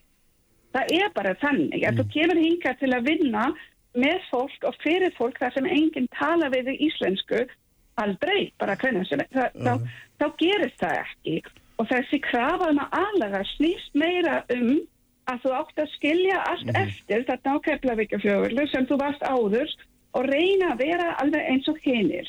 Og það er nú eitthvað sem, sem ég myndi þetta svo mikilvægt að tala um, ég menn ef við erum hugsað um nýsköpun og fyrirtækjarekstan, það vita það allir, það fungera betra ef hópurinn sem þú ert að vinna með er fjölbreyttur. Og við þurfum að tala svolítið meira inn í þetta, Já, já. ekki inn í ótta við ókunna. Já, það er eitthvað sem ég þekki og sé í Þískalandi. AFD, öfgahæri hérna flokkurinn hér, Alternativ fyrir Deutschland, er sterskastu þar þar sem fæstir innflytjum er. Já, akkurat, við slum Ég- hleypa heilt að, já. Ég hérna, vil nú bara fá að byrja á því að, byggja Sabínu afsökunar ef að hérna, ég, ef að ég hérna, serðana eða, eða eitthvað slíkt með orðinu aðlugun, það var ekki, það var ekki hérna, uh, meining mín. Uh, en þá í, ef að, ef að er betur orðið yngilding, þá skal ég hérna, ég er fúst mjög þess gott. að- læra það og það er auðvitað eins og ég segi það er hérna þá núna stefna ríkstjórnarnar í þessari heilstæðu nálgun á annars vegar að svona, se- gera skilvirkar að vandakerfið en, en þá líka hafa þá meira sveigrum uh, og fjármagn til þess að, að leggja áherslu á íslensku kennslu og það sem við kalla svona samfélagsfræði því að það, það skiptir máli að, að, að við svona pössum upp á, upp á gildin okkar hérna í, í okkar ágæta samfélagi og með því er, held ég ekki ætlunin að, að allan ekki mín að, að, að móðga einhvern. En, en við bara ver, verðum líka að læra af reynslu annara og, og þetta er bara svona samengi hlutana sem verður, verður, að, verður að ganga upp. Og, og ég veit ekki betur en að, að, að svona þessar áherslur hafa verið unnar í, í með fulltrúum innflytenda og með þessu svona uh, heilstæðu sín og, og reynslu annara á, á borðinu og, og ég er í rauninni kannski að heyra fyrst núna uh, ef, að, ef að það er álitið ekki farselt uh, fyrir Íslands samfélag að, að þeir fjölbreyttu einstaklingar sem að allir hafa margt uh, gott og misjæft fram að færa og við getum eflust lært af Mm. en á þeir samt líka hafi tæki til þess að, að, ná rótum sínum hér og, og líða betur í, í samfélagi eins og, eins og við höfum, höfum teiknað þau. Já, að þetta er virkar alltaf í báðar áttir hérna, uh, Nú ætlum ég að lega mér að nota orðið aðlögun það er ekki illa mynd en við lögum okkur að þeim sem koma og þeir sem koma laga sig að okkur þannig að þetta er, þá rennum við saman í hérna, í ágita, ágita blöndu held ég Já, já það, það er mjög maður horf, horfið svolítið á hérna gagkvæma aðlöfun. mm. En ég held hérna svona bara rétt til þess að ljúka þessu með ykkur að sko, við, við erum bara staðrendi bara svo, við erum að horfa upp á samfélag sem er gjörbreytt á með fáum árum, það er bara augljóst Mhm. og hérna, og við erum komið með svona, að mista þú á mjög mörgum stöðum einhvers konar fjölmenningar samfélag og þetta Jú, er hérna, og jú. þetta er, þetta er eitthvað sem við verðum bara að horfast í augu við og takast á við. Eina já, örfá orðum þetta. Já, já, örfá orðum þetta já, ég ætla bara, ég, ég er mikið sögumanneskja og Já. ég hérna ætla segja bara mjög saklausa, hérna þetta er ekki saga um rasisma eða neitt svoleiðis. Ég, ég kynntist fyrir nokkrum árum konu sem var upphæflega frá Tjekklandi og hún var á nýræðsaldri þá um, og hún hafi búið á Íslandi í 60, meir en 60 ár, var gift íslenskum manni sem var í námi, viklega Prakos á sínum tíma, hann hingað og hann hafi dáið skömmu áður. Og þá var hún spurð, jæja, elskar mín, ætlaði nú að flytja heim aftur. Þetta stakk mig svo, já, svo rosalega. Manneskja sem hefur búið hér í 60 ár, læst í sem skal lagt fram, hennar hlutverk er búið sem sett sem einkona, þá á hún bara að fara heim. Og, og þá meira að segja heim í land sem er ekki mjög sem lengur til. Ég held að klálega Já. verkefni okkar er, eins og ég segi, við, við erum með núna þessi heilstöðu sín á uh, innflýtendamál, uh, vendar, umsækjandamál fyrir framann okkur. Ég held að vera mjög fastalt ef við klárum það. Uh, í því til dæmis er, er það að, að, að meta mentun af verleikum. Við þekkjum það að hinga flytu fólk sem er sprenglert, jafnvel í hjúgrunafræði, Mm. en íslenska kerfið er svona eh, finnst allt sem á Íslandi er Já, gert já. best og, og þannig að, ég veit að Áslu Arna hefur verið að gera eitthvað í því Mm. en ég verða að fá að bæta við hér Já. á lokum því sem að, umræðan undirfartan vikur varðandi vendarkerfið er uh, það er bara verkefni sem við verðum að ná tökum á uh, ég held að ég hefði skilið forman samfélkingarna rétt um að við, hún tæki undir með okkur um að við yrðum að samrama reglurnar við Norðurlöndin Mhm. ég heyri núna að Sabine já, segja að það sé í rauninni ekki vandamálið, heldur einhver allt önnur, þannig að ég, eins og ég segi við, við munum útlingamálið eða frumvarpið, Guðrún Hafsistóttir mun mæla fyrir því að vera fyrst á dagskrá uh, á þinginu á, á morgun. Ég verður bara að segja að það verður bara fornilegt að sjá hvernig fulltrúar samfélkingarnar er alltaf komin í þá umræði því að eh, Já, ég, ég, ég er engun hær en, en Nákvæmlega. heilstæði nálgun á þetta allt saman skipti máli og við getum Já. gert þetta vel. Herri, Sabíne, bestu þakki fyrir að með okkur í dag fáum að heyri þér eftir setna um þessum sögumál Hildur, bestu þakki fyrir að koma og hérna förum núna aðeins í aðra sálma því Theodor Ragnar Gíslason verður hérna hjá mér eftir augnablikum Sprengisandur á bylgjunni Í samstarfi við Hirsluna og Bæjar Líf. Sprengisandur á bylgjunni Í samstarfi við Hirsluna og Bæjar Líf. Þetta er Bilgjan Fréttir þjóðmál og pólitík. Sprengisandur á bylgjunni. Sælvi eftir hlustundur, uh, Hildur Sveristóttir, Sabín Leskop farnar frá mér eftir umræðum innflýjandamál, þetta fara hér í allt annað. Efni, sestur hjá mig Theodor Ragnar Gíslason sem er sem að er meðal annars stopnandi Defend Iceland og, og hérna teknistjóri Sintís, svo eitthvað sem þú nefnt sætla blessaður og velkomin. Já, þú er búin að vera í við þessum bransins og sattu nú spauðstöðin í 25 ár. Já, svolítið lengi. Já, svolítið lengi. Svo er þetta að ég var í unglegur, þannig að ég er ánæður að heyra það. Já, einmitt nákvæmlega sem er engi lín en hérna, málið það er svona kannski eina ástæðanum fyrir þú ert hérna er, að, er þetta, ég vakti forvitni mín að þetta máli í háskólum í Reykjavík fyrir skemmstu þar sem var erlendir hakkarar brutust inn í tölvukerri að líkum. Já, einmitt og, og, og bara stálu öllu steini léttara Já, já, já, bara þetta orðaða þannig er það ekki Jú, og, hérna, og maður fyrir svona fer alltaf að velja sér því oft les maður einhverja fréttir og svo veit ekki alveg hvað er að segja því en þetta var mjög alvarlegt og þetta er bara að gerast er það ekki Þetta er að aukast alveg, alveg gríðarlega og Já. hérna, við hjá Sindis hérna, erum að sjá þetta bara aukast af frá degi. Sindis er hvað nákvæmlega? Sindis er netturíkisfyrirtæki sem ég stopnaði árið 2013 Mm. í háskólanum í Reykjavík sem sinnir svona eftirliti og vörnum gegn 12 ára og, Já. en oftar en ekki þá vorum við kölluð út eins og hjá HR í bara gríðarlega alvarleg mál það sem er bara, bara allt, einna, allt er að fara að falla sko. Mm. Að, og það er bara alveg ótrúlega algengt og því miður er þetta eitthvað sem við erum búin að vara rosalega oft við en einhvern veginn gerist þetta alltaf trekk í trekk í trekk. Mhm. Þannig að það er bara, já, mjög alvarlegt mál. Og hvað, hvað í raun og veru að því að maður áttar sig ekki alveg að því hvað, eftir hverju erum en að sækjast í raun og veru með því að í Sækjast eftir peningum. Já, já, Það snýst alltaf um peninga. Já, sem sagt, í raun og veru er þetta þannig að þeir brjótast inn til þess að, að hérna, taka netkerfi í gíslingu. Já. Þessin er þetta kalla gagna gísla taka Mhm. og þeir brjótast inn og ná hérna, stjórn með, með því að nota örgisveikleika. Það er yfirleitt leiðin inn í svona atvikum og þessir örgisveikleikar eru bara eitthvað sem þeir geta séð frá internetinu og þeir brjótast inn og þeir taka stjórn yfir netkerfið og eftir að þú er búin að ná stjórn yfir heilu netkerfi, tölvukerfi að þá náttúrulega getur gert hvað sem þú vilt Mhm.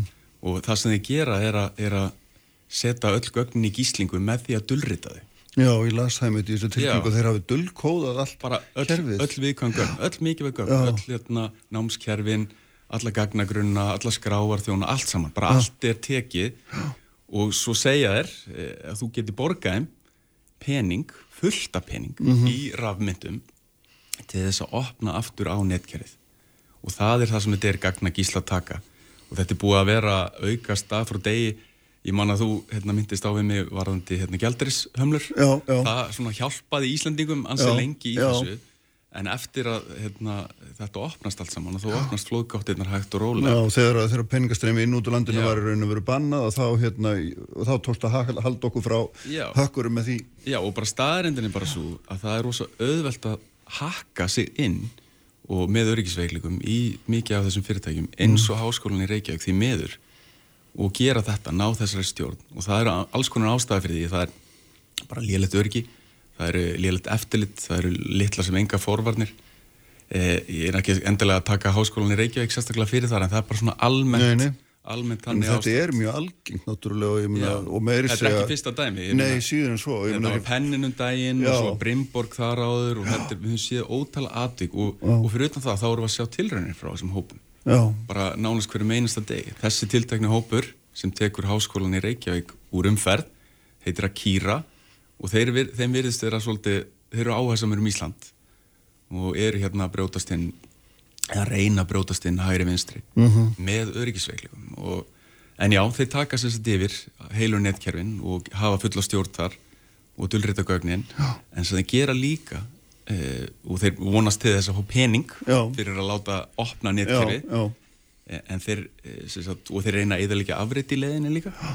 Taka það fram, en svo taka þeir líka gögnin út úr húsi þeir bara sjúa til sín bara heilu skráarþjónana og heilu gagnagrunnuna sem innihalda kannski rosalega viðkvæmur upplýsingar Mhm. Eh, þú getur rétt ímyndaðir þau gögg sem við erum að setja í stafrænt form í dag og öll þessi rafvæðing sem hefur átt sér stað í okkar samfélagi Já. er að þegar þessi ræðilega brjótast inn og dullrita og taka yfir og valda tjóni þeim finnst það ekki nóg því að ef þið taka gögnin að þá er hinn hliðin af uh, glæpnum sem er að hóta að byrta ofinbella gögnin sjálf Já. og þeir gera það Já. þeir eru með hérna, á það sem er kallað hérna, darknet, er undirheimar internetsins Já. að þar eru þeir með bara þjónustu síðu það sem þeir bara segja þeir eru bara helst í fréttum Já. við erum búin að brótast inn í þennan aðila og þennan aðila og svo ef að, ef að þeim fá ekki pening að Mm. þá byrta þeir gögnin og það er bara staðan. Og þarna niðri er þá einhver að kaupa gögn. Nei, nei, þeir byrta á hver Já, sem er getur sóttu og þannig að þetta, er, þetta snýst bara um að þetta er bara sko, þetta er hótunin sem fylgir yfirleitt svona Mhm. er að ef þú borgar mér ekki eitthvað að þá fæ ég þá mun ég byrta þín viðkvæmi upplýsingar ofnbella Já, og, og þetta er eins og nefnir kannski er áhugin í Íslandi að sjá að við erum, hérna, státum okkur mjög að því að vera netvætasta þjóð í, Já, í heimi er það ekki? Og, stafvætast á þjóðu heimi eiginlega bara. Já, akkurat, þannig að það er, það liggur allt eins og Já, öll opin kerfin okkar. bók, er það ekki? Ég meina, að því að ég held að svona, eftir því sem að mér hefur sýnst í gegnum árun að menn sem eru kunna þetta vel eins og þú að þið eru alltaf að kvart yfir því að við passum okkur ekki nógu. Já. vel hvorki einstaklingan í fyrirtæki. maður er svona svolítið eins og rispiði brotin plata Já, hérna eitthvað já, svona hérna já. í þessu af því að þetta er ekki hræðslóraður þetta er raun og veru bara staðreind að það eru bábornavarnir eftirlit er á skortnum skamti eða bara ekki til og viðbröð fólk er ekki hugmyndum Mhm. hvernig maður bræðast við hérna innbrotum og það er eitthvað svona sem bara við verðum að venja okkur á alveg eins og við erum með almannavarnir Já. og við erum jú öll almannavarnir og við lærum öll svona, höfum einhvern grunn skilning á þessu þannig að þetta er ekki hræðslára, þetta snýst bara um fræðslu Mhm. og með svona fyrir það sem kannski ég er að horfa til eru forvarnir Já. hvernig við getum og það er þetta Defenda Æsland verkefni Já, já. það sem hérna ég fæ styrk frá Evropasambandinu Já. upp á 380 miljónir til þess að stunda forvarnir á Íslandi. Það sem umfangi er okkar staf, stafræna land bara allt Ísland er, er þar inn í umfanginu og, hugmyndin er svo að finna þessa örgisveikleik og hættur í svona stafræna samfélagin okkar áður en minnfísnu aðalarni brjótast hérna inn og valda þessu tjóni. Mhm. og það mun aldrei vera fullkomið. Það þarf alltaf að vera með eftirlit og varnir og viðbrað e, því að þetta mun ekki duga. En bara staðan er svo að, að hérna, við erum ekki að gera neitt eða við gera voðalega lítið og, og dæmi sem ég sagði við þig er, er hérna, að við erum að útskrifa hérna krakka fólk Mm. úr háskólum í tölvunafræði og, og hugbúnaðarverkfræði og, og það- því en leikt án þess að þau að fengið þá án þess að gera nokkuð krafa á það að þau viti hvernig á að smíða öru kerfi stafræn kerfi. Mhm. Það er svona svolítið skakt Já. þannig að það er það sem er að búa til þetta fóður fyrir þessa glæpahópa þessa, tö- þessa meinfísnu hakkara Já. tölvuþróta Já. og að, að hérna því þú, með, þú talar um heiðarlega hakkara, þú ert Já. að nýta þér hakkarana, er það ekki, til Jú. þess að fara og finna veikleikana áður en að einhver algjörlega og það er bara það sem mennfísin þrjótur kemur það ekki. af því að það eru, ég veit að orðið hakkari hefur mjög Já, neikvæða já, meiningu í íslensku samfélagi en það eru til heiðarlegir hakkarar Mhm. eða öryggisjafræðingar, það er hægt að orða þetta á marga vegu, en þetta er bara venjulegt fólk með tæknilega þekkingu og svona forvitni og, og mikið af þessu fólki langar að laga og benda á hættur Mhm. það vill enginn að það sé komist inn í heilsuveru hjá okkur, inn í nei. eða inn í eða háskóli sér tekin úr umferð dögum saman, jafnvel Mm. vikum saman og að þessu hóta að byrta þeirra viðkvæm gögn um, um, um nefnendur í háskólan Nei. Það vill þetta enginn. Þannig að það að virkja heiðarlega hakkara til þess að koma auga á þessar hættur er, Mhm. er það sem ég er svona vonast til að við náum að svona sanna að sé hægt á Íslandi og, og getum svo dreift út Og þetta boðskapinn ætla til sérst að Európa-sambandið að reyna að vera styrkja þig til þess að já, já, til og þess að líka, gera. algjörlega. Og líka tæknithrónasjóður hjá Rannís. Við varum að styrkja þetta verkefni um, um 50 miljónir núna Já. í, í desember. Já, þannig að þetta er augljóslega talið hérna geta skilað okkur einhverju, það er það, Það er blasir við. vonin. Já, einmitt. En það er svona merkirinn til sem ég er að tala um þetta sko, þú, þú veist mér sér hvað hópurinn heitir hérna sem Já. fór inn í en þetta, það er ekki eins og þetta sé einhverjir þessi menn fara ekki eins og huldu höfði það, eða þarf að segja hóparnir það við, vita grannlega allir hverjir þetta er Já, já, og það er ekkert múlega samskipti við þá Nei, já. og þetta er þjónustuborð er alveg, þarna, og þeir benda þær á hvernig þú mátt eh, auka öryggið eftir á Já. ef þú borgar en augljóslega ámaður ekki að borga því þá maður náttúrulega bara að fóðra þennan já. og sem eigur líkurnar á því að aðri lendi í þessu þannig að við mælum alls ekki með hjá Sindis að að það sé verið að greiða fyrir eða að stopna til samskipta við þessa En aðri þurfa menn þá að endurbyggja tölvukerfin sín Alveg frá grunni. Alveg frá grunni og stundum eru til afrit en Já. stundum eðalegjar afriti þannig að þetta getur verið alveg katastrófist ástand hjá, eh, hjá aðalum sem Mm. lendir svona og kostnaðurinn og tjóni getur hlaupið á hundruðu miljóna e, já, og tala nú ekki um hérna, ef gögnin eru látin leka. Því þetta eru viðkvæm gögn. Ég held að flestir munir nú eftir ég nú í Vodafone húsinu hérna. Já. ja, flestir, einhverjir hérna munir Já. eftir því að Vodafone var hakkað og þá lágu hluti úr SMS samskiptum Já, já, það var það sem var byrt ofinbella og það skapaði greiðarlega já, já.